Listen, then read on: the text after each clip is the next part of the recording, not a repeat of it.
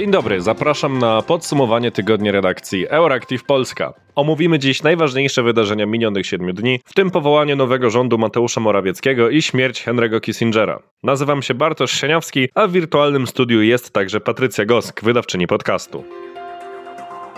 Prezydent Andrzej Duda dokonał zaprzysiężenia nowego rządu pod kierunkiem Mateusza Morawieckiego. Oprócz dotychczasowego premiera w skład rządu wszedł także nieoczekiwanie, bo jeszcze pod koniec zeszłego tygodnia temu zaprzeczał Mariusz Błaszczak, który znów ma pokierować Ministerstwem Obrony Narodowej. W wielu przypadkach na ministrów awansowani zostali dotychczasowi wiceministrowie. Paweł Szefernaker pokieruje Ministerstwem Spraw Wewnętrznych i Administracji, Marcin Warchoł resortem Sprawiedliwości, a Szymon Szynkowski-Welsenk stanie na czele Ministerstwa Spraw Zagranicznych. W rządzie ponad połowę po raz pierwszy w historii stanowić będą kobiety. Ministrą aktywów państwowych będzie Marzena Małek, a resortem rozwoju pokieruje Marlena Maląg. Na fotel minister sportu wraca zaś Danuta Dmowska-Andrzejuk.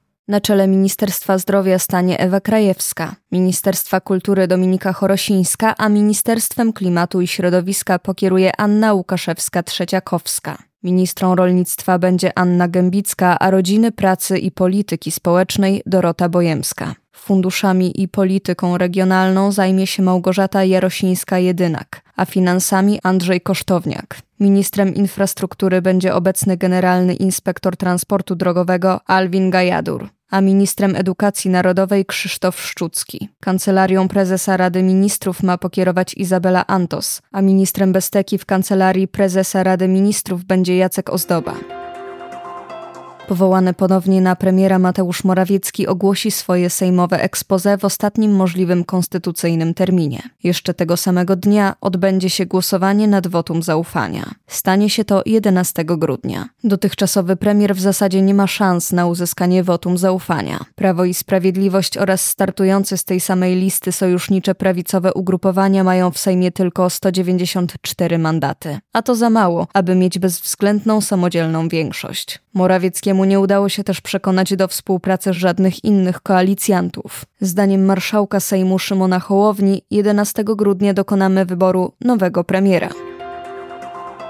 Sejm planuje zacząć pracę nad powołaniem trzech komisji śledczych badających nadużycia za czasów rządów PiS. Chodzi o przygotowanie do tzw. Tak wyborów kopertowych, wykorzystywanie oprogramowania szpiegującego Pegasus oraz tzw. Tak aferę wizową. W uzasadnieniu pierwszej uchwały opozycja zwraca uwagę na podstępny sposób uchwalenia ustawy, bo zmiany w kodekście wyborczym zostały wprowadzone poprawką dodaną do rządowego projektu ustawy o szczególnych instrumentach wsparcia w związku z rozprzestrzenianiem się koronawirusa. Celem komisji ma być zbadanie, czy działania zmierzające do organizacji wyborów mogły przyczynić się do rozprzestrzenienia pandemii oraz czy doprowadziły do niekorzystnego rozporządzenia finansami Skarbu Państwa. Według raportu NIK z 2021 roku decyzje wydane w związku z przygotowaniami do wyborów kosztowały podatników prawie 133 miliony złotych. Komisja dotycząca inwigilacji Pegasusem ma natomiast zbadać czynności operacyjno-rozpoznawcze, czyli właśnie inwigilacje podejmowane wobec obywateli od 16 listopada 2015 roku do 20 listopada 2023 roku. W tym ustalić osoby, które pośrednio lub bezpośrednio uczestniczyły w wydaniu takich decyzji. Ostatnia z komisji ma zbadać nadużycia przy legalizacji pobytu cudzoziemców w Polsce.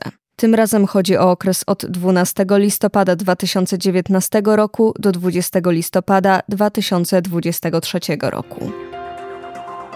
Amerykańska redakcja Politico uznała Donalda Tuska za najbardziej wpływowego człowieka w Europie. Jednocześnie został on uznany za osobę, która w ciągu najbliższego roku będzie miała największy wpływ na całą Europę. Tusk został odznaczony w rankingu Class of 2024. Redaktorzy Politico docenili zwłaszcza jego zwycięstwo w wyborach parlamentarnych w Polsce. To pokazało, że nawet w wadliwym systemie możliwe jest pokonanie populistów i przywrócenie kraju do unijnego głównego nurtu, ocenia Politico. Zwycięstwo Tuska ma być promykiem nadziei dla europejskich i globalnych centrystów od wielu lat obserwujących kolejne zwycięstwa prawicowych populistów i powoli nastawiających się na możliwe zwycięstwo Donalda Trumpa w nadchodzących wyborach prezydenckich w USA. Zdaniem Politico, zwycięstwo wyborcze Tuska w Polsce odczuje cała Europa.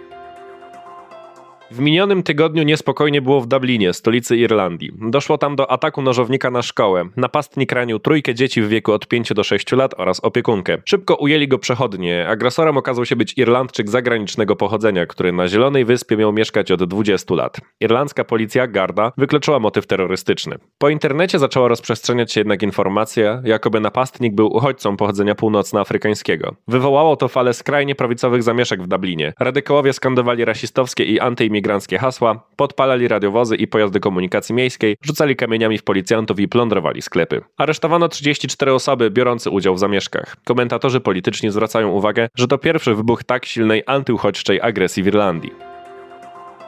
W Connecticut w USA w wieku 100 lat zmarł Henry Kissinger, wysoce kontrowersyjny polityk. Zwolennik polityki realnej, sekretarz stanu USA z czasów prezydentur Richarda Nixona i Geralda Forda. Kissinger był laureatem pokojowej Nagrody Nobla za negocjacje pokojowe dotyczące wojny w Wietnamie, człowiekiem roku czasopisma Time oraz przewodniczącym komisji badającej atak na World Trade Center w Nowym Jorku 11 września 2001 roku. Kissinger niekoniecznie zapamiętany zostanie jednak przez wszystkich jako skuteczny i ambitny polityk dążący do pokoju w Indii Indochinach. Wiele osób nie zapomni, że był bezpośrednio zaangażowany w tajne i nielegalne bombardowanie Kambodży przez wojska USA w czasie wojny w Wietnamie oraz zaangażowany był także w obalenie legalnego socjalistycznego prezydenta Chile Salvadora Allende i zastąpienie go faszystowskim dyktatorem Augusto Pinochetem, którego reżim bardziej opłacał się Waszyngtonowi. Polityk oskarżany był również o wiele zbrodni wojennych.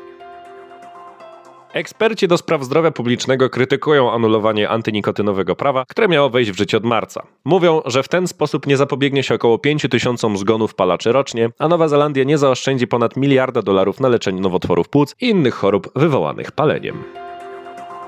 Premier Grecji apelował do Wielkiej Brytanii o zwrot marmurów Elgina. Tak zwane marmury Elgina to kolekcja rzeźb i płaskorzeźb, jakie niegdyś zdobiły Partenon. Zostały one wywiezione w XIX wieku do Londynu przez brytyjskiego dyplomatę hrabiego Elgina. Grecja znajdowała się wówczas pod panowaniem osmańskim, a Partenon od prawie 200 lat był zniszczony po bitwie, jaką Turcy stoczyli z Wenecjanami. Elgin odkupił pozbierane fragmenty zdobień od Turków, dla których nie stanowiły one ważnego dziedzictwa. Tak kolekcja trafiła do Wielkiej Brytanii, gdzie jej lwią część zakupiło British Museum, a inne fragmenty zostały sprzedane do innych europejskich krajów. Niepodległa Grecja domaga się jednak ich zwrotu, bo nie uznaje dawnej tureckiej decyzji za zgodną z prawem, a Elgina i jego ludzi oskarża o zwykłą kradzież. Po tym jak grecki premier zaapelował w brytyjskiej telewizji o zwrot starożytnych zdobień, premier brytyjski odwołał z nim spotkanie. Władze brytyjskie uważają, że Elgin legalnie zakupił zabytki od Turków, a potem legalnie odsprzedał je muzeum.